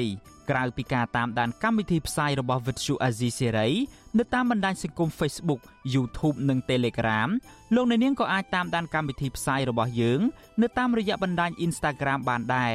តាមរយៈតំណ link ដែលមានអាសយដ្ឋាន www.instagram.com/rfa ខ្មែរអាស៊ីសេរីបន្តខិតខំផ្សព្វផ្សាយព័ត៌មានពិតទៅកាន់បងប្អូនតាមរយៈបណ្ដាញសង្គមផ្សេងផ្សេងនិងសម្បូរបែបដើម្បីឲ្យលោកអ្នកនាងងាយស្រួលតាមដានកម្មវិធីផ្សាយរបស់អាស៊ីសេរីគ្រប់ពេលវេលា និងគ្រប់ទីកន្លែងតាមរយៈទូរស័ព្ទរបស់លោកអ្នកនាង បាទសូមអរគុណ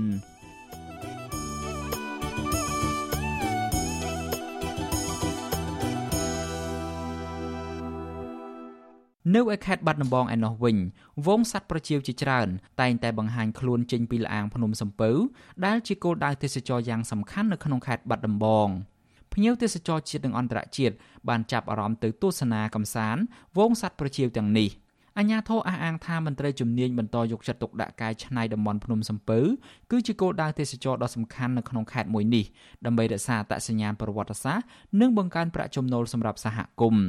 បាទលោកលេងម៉ាលីរាយការណ៍ព័ត៌មាននេះជូនដល់លោកអ្នកនាងបើយើងធ្វើដំណើរតាមផ្លូវជាតិលេខ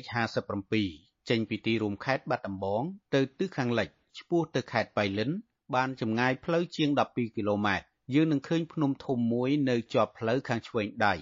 ដែលមានជញ្ជាំងខ្ពស់ចោតពីធម្មជាតិសន្តានរាងដូចជាសំពៅភ្នំនោះមានឈ្មោះថាភ្នំសំពៅដែលស្ថិតនៅក្នុងតំបន់ប្រជុំភ្នំជាច្រើនទៀតដែលជារមណីយដ្ឋានទេសចរប្រវត្តិសាស្ត្រភ្នំសំពៅបច្ចុប្បន្នមានរូបចម្លាក់ព្រះពុទ្ធបដិមាយ៉ាងធំស្កឹមស្កៃគេឆ្លាក់ជាប់ជញ្ជាំងថ្មនៅនឹងជើងភ្នំ ដែលជាទីតាក់ទាញភ្ញៀវទេសចរឲ្យទៅទស្សនា ក្រៅពីព្រះពុទ្ធបដិមាអង្គធំ និងលអាងជាច្រើន វងសัตว์ប្រជៀវជាច្រើនក្បាលក៏ជាកត្តាតាក់ទាញភ្ញៀវទេសចរដែរភ្ញៀវទេសចរជាតិនិងអន្តរជាតិរាប់រយនាក់តែងតែអង្គុយរង់ចាំងើយមើលសត្វប្រចៀវចេញពីលអាងភ្នំជារៀងរាល់ពេលល្ងាចធ្វើឲ្យតំបន់នោះស្រូបទាញភ្ញៀវទេសចរដល់ល្បីល្បាញអ្នកនាំភ្ញៀវទេសចរទស្សនាលអាងប្រចៀវលោកក្រមរឿយប្រាប់ពធ្យុអស៊ីសេរីនៅថ្ងៃទី5មករាថាអញ្ញាធមូលដ្ឋានកំពុងរឹតបន្តឹងអភិរក្សវងសត្វប្រជៀវទាំងនេះ ដោយមិនអនុញ្ញាតឲ្យមានការបរបាញ់និងដាក់អន្ទាក់នោះឡើយក៏ប៉ុន្តែលោកបារម្ភថា អ្នកខាងក្រៅតែងតែលួចបរបាញ់និងដាក់អន្ទាក់ចាប់ប្រជាវធ្វើអាជីវកម្មជាទ្រង់ទ្រាយតូចៗនៅពេលដែលពួកវាហើរចេញពីលាងភ្នំលោកថាវងសัตว์ប្រជាវទាំងនេះគឺជាប្រភពប្រាក់ចំណូលរបស់ប្រជាពលរដ្ឋដែលលោកចង់ឲ្យអាជ្ញាធរថែរក្សាឲ្យគង់វង្ស ជានេះវាហើយចេញពីអាងភ្នំកំពូលនេះទៅចម្ងាយប្រហែលជា1គីឡូដីឬក៏2គីឡូដីបានបែកបែកចេញជាក្រុមហើយបែកចេញជាក្រុមហ្នឹងគឺវាចេញទៅតាមសមុទ្រហើយនឹងទន្លេសាបដោយសារនៅទីនោះសម្បូរទៅដោយសត្វល្អិតហើយជាពិសេសបងប្អូនជាពលខ្មែរហើយនឹងភ្ញៀវបរទេសហ្នឹងគិតមកគឺគាត់ចង់ឃើញពីសត្វពជាវហើនៅតំបន់រមណីយដ្ឋាននេះឯងបានមានភ្ញៀវមួយច្រើនមកកកហ្នឹង អ្នកខេត្តបាត់ដំបងបានហៅវងសត្វប្រជាវទាំងនោះថាជាកងទ័ពប្រជាវព្រោះគេសម្គាល់ថា ការហោះហើររបស់ពួកវាជាវងតម្រង់ជួរគ្នាដូចជាកងទ័ពចេញច្បាំងហើយលេចសម្រស់ដ៏ស្រស់ស្អាតភ្ញៀវទេសចរតែងតែងើយមើលលើមេឃមិនដាក់ភ្នែកនិងខ្លះទៀតថតរូបនិងវីដេអូបង្ហោះតាមបណ្ដាញសង្គមឬ Facebook បន្ថែមពីនេះវងសត្វប្រជៀវមានអត្ថប្រយោជន៍ច្រើន គឺវាជួយស៊ីសត្វល្អិតចង្រៃ ដែលបំផ្លាញផលដំណាំរបស់កសិករហើយលាមករបស់វាគេយកធ្វើជាជីកសិកម្មធម្មជាតិដ៏មានតម្លៃអាជ្ញាធរខេត្តបាត់ដំបងអះអាងថាវងសត្វប្រជៀវទាំងនេះបានក្លាយជាផលិតផលទេសចរដ៏សំខាន់ផ្ដល់ប្រយោជន៍សេដ្ឋកិច្ចសហគមន៍ក្នុងខេត្តបាត់ដំបងបច្ចុប្បន្នមានពលរដ្ឋជាច្រើនគ្រួសារលក់ដូរម្ហូបអាហារវត្ថុអនុស្សាវរីយ៍និងមានផ្ទះលំហែកំសាន្តនៅតំបន់ភ្នំសំពៅ ហើយពលរដ្ឋខ្លះទៀតបានទិញរថយន្តនិងម៉ូតូសម្រាប់ដឹកភ្ញៀវទេសចរឡើងភ្នំយុវតីមួយរូបរស់នៅខេត្តបាត់ដំបងកញ្ញាលូតសៅដា សង្កេតឃើញថាវត្តមានសត្វប្រជៀវទាំងនេះមានសារៈសំខាន់ណាស់នៅពេលដែលមានមនុស្សជាច្រើនចាប់អារម្មណ៍ហើយវាអាចការពារភ្នំប្រវត្តិសាស្ត្រមួយនេះគេចចេញពីការបំផ្លាញដោយក្រុមហ៊ុនឯកជន ដើម្បីទាញយកថ្មនិងរ៉ែធ្វើអាជីវកម្មកញ្ញាសង្កេតឃើញថាភ្នំធម្មជាតិនៅខេត្តបាត់ដំបងជាច្រើន ទទួលរងការវាយកំទេចដើម្បីយកថ្មនិងរ៉ែធ្វើឲ្យប៉ះពាល់ដល់សម្រស់បរិស្ថាន នៅពេលដែលពុំសូវមានមនុស្សចាប់អារម្មណ៍ខ្ញុំក៏ថាអាជ្ញាធរនៅតំបន់ទីនោះគួរណាតែចាត់វិធានការទៅអាចដាក់ទោសជនដែលប្រព្រឹត្តបទល្មើសបំផ្លាញសត្វព្រៃឬក៏ព្រៃឈើនៅតំបន់អភិរក្សហ្នឹងពិន័យជាសាច់ប្រាក់ឬក៏ដាក់ពន្ធនាគារទៅតាមកម្រិតនៃទោសនៃពួកគាត់ហ្នឹងហើយមួយទៀត អឺអាជ្ញាធរគួរណាតែអាចចំណាយថវិកាមួយចំនួនទៅលើការដាក់កងការពារនៅទីនោះផងអតីតអ្នកយាមលអាងប្រជាវលោកក្រមរឿយបន្ថែមថាកន្លងទៅមានជនឆ្លៀតឱកាសតែងតែលួចបរបាញ់ដើម្បីយកសាច់ប្រជាវធ្វើអាជីវកម្មក៏ប៉ុន្តែមកទល់ពេលនេះអាជ្ញាធរបានពង្រឹងការអភិរក្សដោយមានឆ្មាំយាមល្បាតយ៉ាងប្រុងប្រយ័ត្នជារៀងរាល់ថ្ងៃលោកបន្ថែមថា ពលរដ្ឋខ្លះពុំសូវយល់ដឹងពីប្រយោជន៍សត្វប្រចៀវហើយពួកគាត់តែងតែលួចបរបាញ់ធ្វើជាអាហារនៅពេលវាហើរចេញពីលអាងភ្នំអត់មែនយកនៅក្នុងឡាននោះទេអញ្ចឹងពីជាវនឹងវាហើរចេញទៅក្រៅទៅវាមានអ្នកគប់ក្មេងៗគប់ហូប2 3អញ្ចឹងទៅឬក៏អាចអាកាសទៅច្រើន4 10 20អញ្ចឹងទៅអញ្ចឹងណាវាអត់មានមកឡើងយកតង្ក្រងតង្ក្រងដូចនៅពីមុនពីមុនទេតកតទៅនឹងវិស័យទេសចរអនុប្រធានមន្ទីរទេសចរខេត្តបាត់ដំបង លោកហមអរុនប្រាប់វិទ្យុអស៊ីសេរីថាអាញាធរបន្តពង្រឹងសន្តិភាពធ្នាប់សន្តិសុខនិងរក្សាតម្លៃម្ហូបអាហារឲ្យបានសមរម្យលោកចាត់ទុកភ្នំសំពៅជាគោលដៅទេសចរប្រណិតប្រចាំខេត្តបាត់ដំបងលោកបញ្ជាក់ថាមន្ត្រីជំនាញបានយកចិត្តទុកដាក់អភិរក្សសត្វប្រចៀវនិងសត្វព្រៃនៅតំបន់ភ្នំសំពៅឲ្យគង់វង្សដើម្បីបន្តទាក់ទាញភ្ញៀវទេសចរ យើងនៅតែអាចនិយាយបានថាភ្នំសពៅជាគោលដៅទេសចរមួយដ៏សំខាន់មន្ទីរទេសចរក៏ដូចជារដ្ឋបាលខេត្តយកចិត្តទុកដាក់នៅក្នុងការជំរុញអភិវឌ្ឍរៀបចំនៅទីនោះហើយគឺនឹងបង្កើននៅភ្ញៀវភាពតេទៀងគ្នាបន្ថែមគឺយើងនឹងពង្រឹងឲ្យបានខ្លាំងក្លាទៅលើការរក្សានៅសណ្ដាប់ធ្នាប់តម្លៃនៃផលិតផលទាំងអស់នោះហើយក៏ដូចជាអនាម័យបាទរីឯនៅលើកំពូលភ្នំសំពៅវិញ មានវត្តអារាមចំណាស់មួយ ហើយមានលអាងភ្នំជាច្រើនរួមមានលអាងផ្កាស្លាលអាងប្រជៀវនិងលអាងខ្មៅជាដើមដោយឡែកនៅក្បែរភ្នំសំពៅមានចង្កោមភ្នំសំខាន់សំខាន់មួយចំនួនទៀតរួមមានភ្នំក្តោងភ្នំក្រពើ ភ្នំអណ្ដើកភ្នំទ្រង់មន់ភ្នំទ្រង់ទាភ្នំនាងរំសាយសក់និងភ្នំតាក្រៀមជាដើម ដែលភ្នំទាំងនេះសុទ្ធសឹងជាភ្នំប្រវត្តិសាស្ត្ររបាយការណ៍របស់មន្ទីរទេសចរខេត្តបាត់ដំបងបង្ហាញថា គិតចាប់ពីខែមករាដល់ខែធ្នូឆ្នាំ2023មានភ្ញៀវទេសចរជាតិនិងអន្តរជាតិទៅទស្សនានៅតាមតំបន់រមណីយដ្ឋាននានាទូទាំងខេត្តនេះមានចំនួនជាង620,000នាក់ខ្ញុំបាទលេងម៉ាលីវិទ្យុអស៊ីសេរី Washington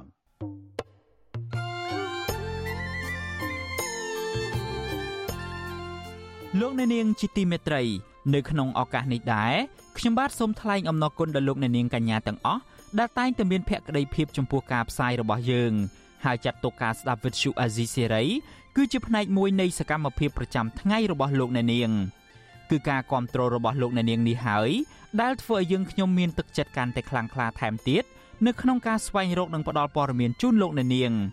មានអ្នកស្ដាប់អ្នកទស្សនាកាន់តែច្រើនកាន់តែធ្វើឲ្យយើងខ្ញុំមានភាពស្វាហាប់មោះមុតជាបន្តទៅទៀតយើងខ្ញុំសូមអរគុណទុកជាមុនហើយសូមអញ្ជើញលោកអ្នកនាងកញ្ញាទាំងអស់ ចូលរួមជំរុញឲ្យសកម្មភាពផ្តល់ព័ត៌មានយើងនេះកាន់តែជោគជ័យបន្ថែមទៀតលោកអ្នកនាងអាចជួយយើងខ្ញុំបានដោយគ្រាន់តែចុចចែករំលែកឬមួយក៏ Share ការផ្សាយរបស់យើងនៅលើបណ្ដាញសង្គម Facebook និង YouTube ទៅកាន់មិត្តភ័ក្តិដើម្បីឲ្យការផ្សាយរបស់យើងបានទៅដល់មនុស្សកាន់តែច្រើន បាទសូមអរគុណ